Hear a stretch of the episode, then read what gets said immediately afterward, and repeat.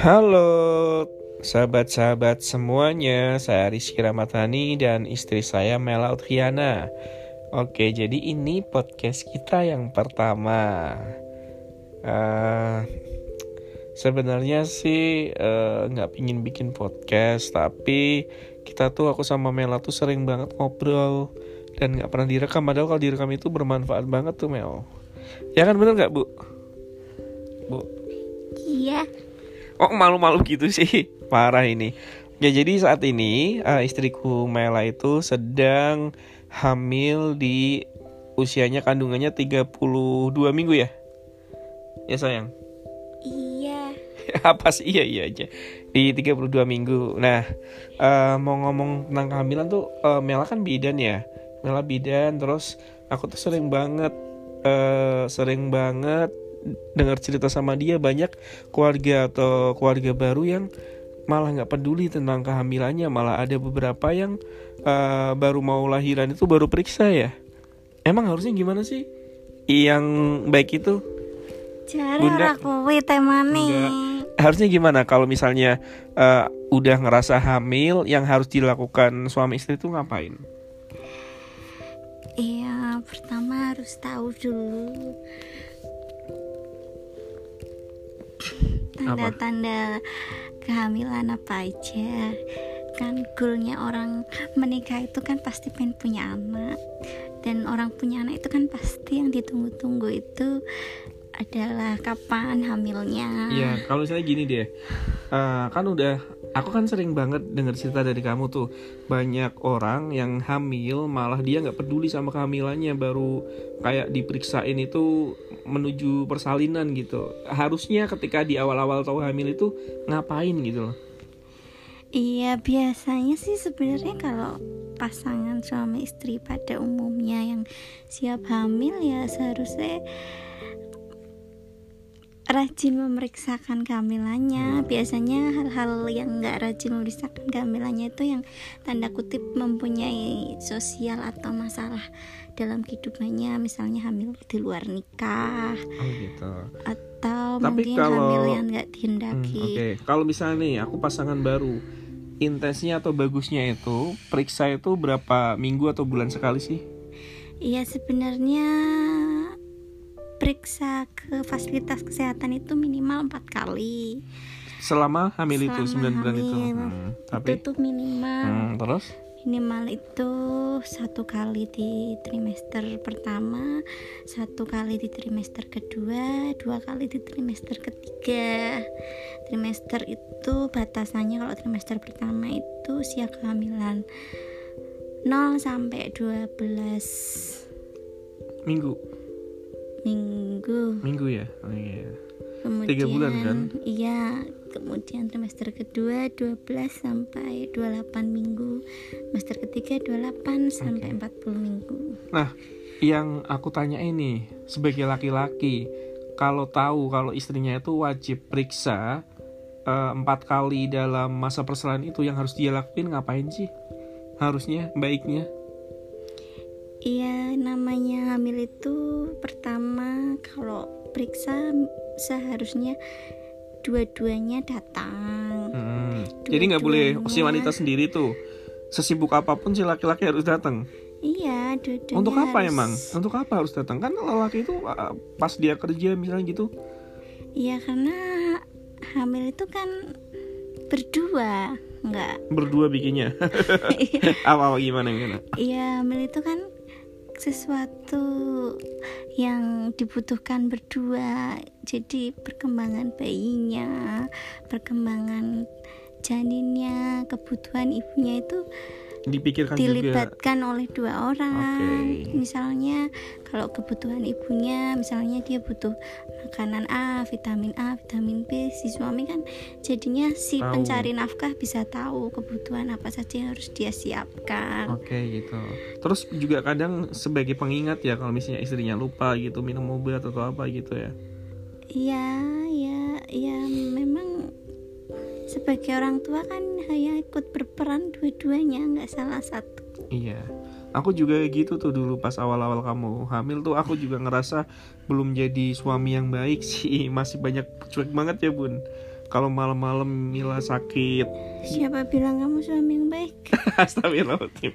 Enggak, jadi dulu pas Mila lagi sakit punggung atau apa Dia malam-malam bangun, aku malah ketiduran. Nggak mau dibangunin kata Mila Itu sih, jadi refleksinya sih ke depan harus bisa lebih baik lagi jadi suami Kayak gitu Oke, itu uh, Terus yang suami itu harus di dekat istrinya itu pas di semester berapa ya? Atau nggak harus terus? Sebenarnya semua trimester harus mendampingi. Iya. Untuk apa emang? Iya karena dalam kehamilan itu kita nggak pernah tahu selama proses menuju 9 bulan itu apakah akan terjadi sesuatu mm -hmm. karena orang hamil itu pasti beresiko jadi kapan pun mm -hmm. di mana pun waktunya bisa aja terjadi sesuatu mm -hmm. terutama yang paling penting kalau hamil di usia muda mm -hmm.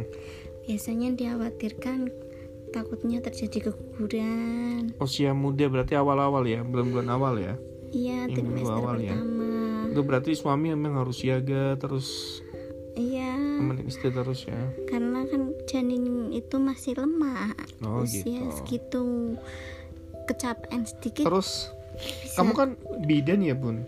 Uh, sering nggak sih mendapat cerita di awal-awal? Misalnya pasangan baru itu apa? Kesalahan apa yang sering dilakukan oleh pasangan-pasangan baru yang baru hamil pertama lah yang sering kamu dengar kalau zaman sekarang orang yang udah tahu teknologi sih biasanya Searching. udah udah lebih Mulai. rasa ingin tahunya tinggi jadi mereka kadang justru yang tidak harus dilakukan pun kadang mereka udah melakukan Lakuin. sendiri sesuatu yang belum dibutuhkan kadang mereka hmm. udah kecuali orang-orang yang nggak mulai. masih ketinggalan teknologi. Oh, iya. ada nggak ada nggak yang kayak gitu yang pernah kamu denger alami ketika di rumah sakit lu kok kamu baru meriksain sekarang sih gitu ada nggak Iya biasanya itu orang-orang yang hamilnya udah lima anak, enam anak, terus usia oh, yang... ibunya sudah tua, okay. Jadi yang memang... masih pengetahuannya juga kurang. Tapi kalau yang pasangan-pasangan baru memang emang banyak yang peduli ya karena itu yang pertama ya. Iya biasanya okay. kalau orang sekarang lebih cenderungnya mereka lebih aktif cari tahu. Jadi memang selain kehadiran sang suami kalau aku lihat sih tadi finansial juga perlu ya. Finansial banyak emang pengeluaran untuk ibu hamil. Iya sebenarnya lebih banyaknya mungkin persiapan untuk memiliki momongannya seperti uh, proses bersalinnya itu banyak ya, ya. mungkin Emang harus berapa dipikirkan kisaran berapa kalau ia hamil itu persalinan Se sebenarnya siapa pun itu bisa bersalin di fasilitas kesehatan asalkan sudah punya persiapan lebih dulu oh, gitu. misalnya nggak punya misalnya dia orang nggak mampu sekalipun hmm. ya berarti dia kan bisa cari uh, jaminan kesehatan. Hmm. kalau belum punya BPJS bisa juga dia daftarin BPJS atau jaminan persalinan hmm. atau mungkin ngajuin jaminan persalinan di perusahaan. Emang kalau udah dapat misal BPJS jam kesmas kayak gitu bisa gratis? Iya, oh, bisa gratis. Bisa di bisa diklaimin oh. dan gratis. Jadi semua iya. pun tuh sebenarnya. Tapi pernah nggak sih bun uh, dapat orang yang tiba-tiba dia nggak mikirin tentang finansial, terus tiba-tiba tahu biaya lahir itu banyak ada nggak? Pernah nggak? Ya ada. Ada. Pernah juga orang nggak mampu tapi dia sama sekali mungkin orang sekitarnya belum memberitahu kalau sebenarnya orang bersalin itu bisa juga kok gratis dengan hmm. bantuan jaminan kesehatan atau sekarang sering dikenalnya BPJS. BPJS Oh bisa gratis ada ya. Yang, uh, itu kalau misalnya gini nih, aku uh, istriku itu kan udah 8 bulan 32 minggu, bisa nggak ngurus dari sekarang? Aku belum punya misalnya kayak gitu. Bisa. Oh bisa. Bisa. Uh, Kalaupun orangnya Dan langsung bisa digunakan pas persalinan nanti. Iya mungkin proses untuk jadi kartunya nggak bisa langsung, hmm. tapi kalau ID-nya atau nomornya hmm. sudah jadi itu udah bisa. Oh gitu. Jadi memang kalau misalnya nggak diurus itu banyak ya persalinan itu ya iya dan sebenarnya kan orang bersalin itu selama selama dia punya jaminan kesehatan ya dia bakal aman oh gitu tinggal mengikuti prosesnya aja Tapi bukannya selain persalinan juga sebelumnya banyak banget kalau aku lihat tuh. Aku tiap minggu eh, eh, tiap bulan itu anterin kami USG tuh sebenarnya USG itu kan nggak wajib. Nggak harus di setiap usia kehamilan Tapi minimal Cukup. harus ada. minimal itu sepertinya dua kali ya Hmm. dalam dalam kehamilan dua kali itu udah cukup Mm-mm. pertama untuk mastiin apakah bayinya berkembang atau enggak terus yang terakhir cuma untuk di trimester akhir untuk tahu apakah posisi bayinya sudah sesuai, Hmm. apakah bayinya bisa lahir normal apa Oh, harus gitu. sesar itu udah cukup sebenarnya Jadi kamu lebay ya, banyak ya. Lu berapa kali kamu sampai enam kali kayaknya ya? ya itu karena pasang dan pasangan sekarang kan rasa ingin tahunya kan Tinggi. lebih besar jadi mereka kayak kadang kayak sesuatu misalnya yang- nih udah sebulan udah USG tiba-tiba sebulan berikutnya aku pingin tahu deh kayak apa sih dedek sekarang gitu Iya, iya sebenarnya ada baiknya juga dengan tahu kayak gitu kan. Jadi tahu tiap bulannya apakah berat badannya berkembangnya sesuai usianya. Jadi kalau misalnya berat badannya tidak sesuai usianya kan mungkin apa makannya lebih dibanyakin, gizinya lebih dibanyakin. kalau untuk obat sendiri bukannya aku juga ketika beliin kamu tuh ba- banyak banget dan lumayan mahal. Nah kalau misalnya orang-orang yang lain tuh ada nggak alternatif selain obat yang itu yang kita beli itu kan lumayan tuh mahal. Obat atau harus atau susu boleh?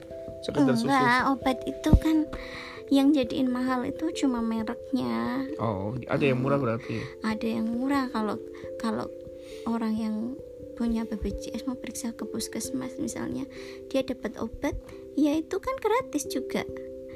Heeh, cuma yang beda kan mereknya dan Oh. beberapa merek tapi tapi sendiri, intinya kandungannya sama kandungan intinya sama cuma Oke. kadang beberapa merek tertentu menambahkan vitamin kayak misalnya DHA-nya Hmm. kalsiumnya. Tapi kalau yang wajib dibutuhkan itu sebenarnya pemerintah sudah punya program sendiri yang dibagikan secara gratis untuk ibu hamil di puskesmas. Ada itu? Ada. Biasanya biasanya eh, ngambilnya di puskesmas terdekat tempat tinggal kita ya ya dia BPJS-nya di mana tinggal Oh, dia gitu. periksa pasti dia dikasih kan pemerintah juga punya Hmm. program untuk penurunan angka kematian ibu dan bayi jadi gitu. puskesmas itu wajib memberikan pelayanan kepada siapa pun tanpa dipungut biaya oke dan itu biasanya didata ya sama puskesmas Iya, biasanya ya nanti bidannya bisa aja datang ke rumah, rumah. kunjungan. karena emang kasus kematian ibu dan bayi lumayan ya Iya, itu kan juga salah satu program dari pemerintah juga. oke oke siap gimana ada lagi nggak Bu Bidan Jadi lumayan ya kalau misalnya eh, kalau aku rangkum sih jadi eh, sebagai suami memang harus dari awal itu siap-siap nih ada banyak dana yang enggak apa namanya nggak terduga gitu. Dan kalau lebih baiknya sih udah siap-siap eh, jaminan kesehatan ya Bun ya. Kayak tadi Iya, persalinan. Ya paling enggak punya apa ya punya persiapan. Kalau misalnya nggak pengen pakai jaminan merasa mampu ya punya tabungan. Misalnya kan setiap orang punya punya apa ya pilihannya masing-masing. Misalnya saya lebih percaya sama rumah sakit A daripada rumah sakit Oke. B ya kalau memang seperti itu kan berarti sudah pilihan Walaupun mahal gitu ya. iya punya tabungan. Dan Kayak kamu memang- ya. nggak mau pakai BPJS dia. Uangnya habis nih nanti. terus terus terus. dan fasilitas itu kan bisa disesuaikan sesuai dengan kenyamanan di, di kesehatan juga kayak gitu kalau di swasta mungkin lebih nyaman ya karena mereka semua alat-alatnya beli sendiri. Hmm. mungkin kamarnya juga lebih bersih. Hmm. kasurnya lebih nyaman. Ya itu juga yang bikin biaya bersalin lebih dari yang lain. Itu juga ya Oke, terima kasih Bunda Mela untuk sharingnya malam hari ini. Kok malam? Ini podcast bisa didengar kapan aja. Jadi ini podcast yang pertama nih Mela masih malu-malu biasanya sih kalau ngobrol tuh ke mana-mana pakai bahasa Jawa. Ini malu, ini masih tutupan. Oke, terima kasih. Jadi kalau dirangkum tuh tadi uh, kalau sebagai seorang suami memang harus jadi suami yang siaga. Uh, kemudian uh, kalau periksa minimal dalam uh, masa persalinan dua kali ya tadi ya? Empat kali. Eh, empat kali sorry empat kali. Kalau USG dua kali ya di awal sama di akhir ya. Iya itu pun kalau orang yang nggak mampu itu bisa nggak harus. bisa minta rujukan sepertinya dari puskesmas. Oke okay, sip sip. Jadi itu ya Oke, terima kasih. Sampai berjumpa di podcast berikutnya. See you teman-teman semuanya. Mau ngomong apa? Ngomong dong. Gak ada. Gak ada. Oke, dadah.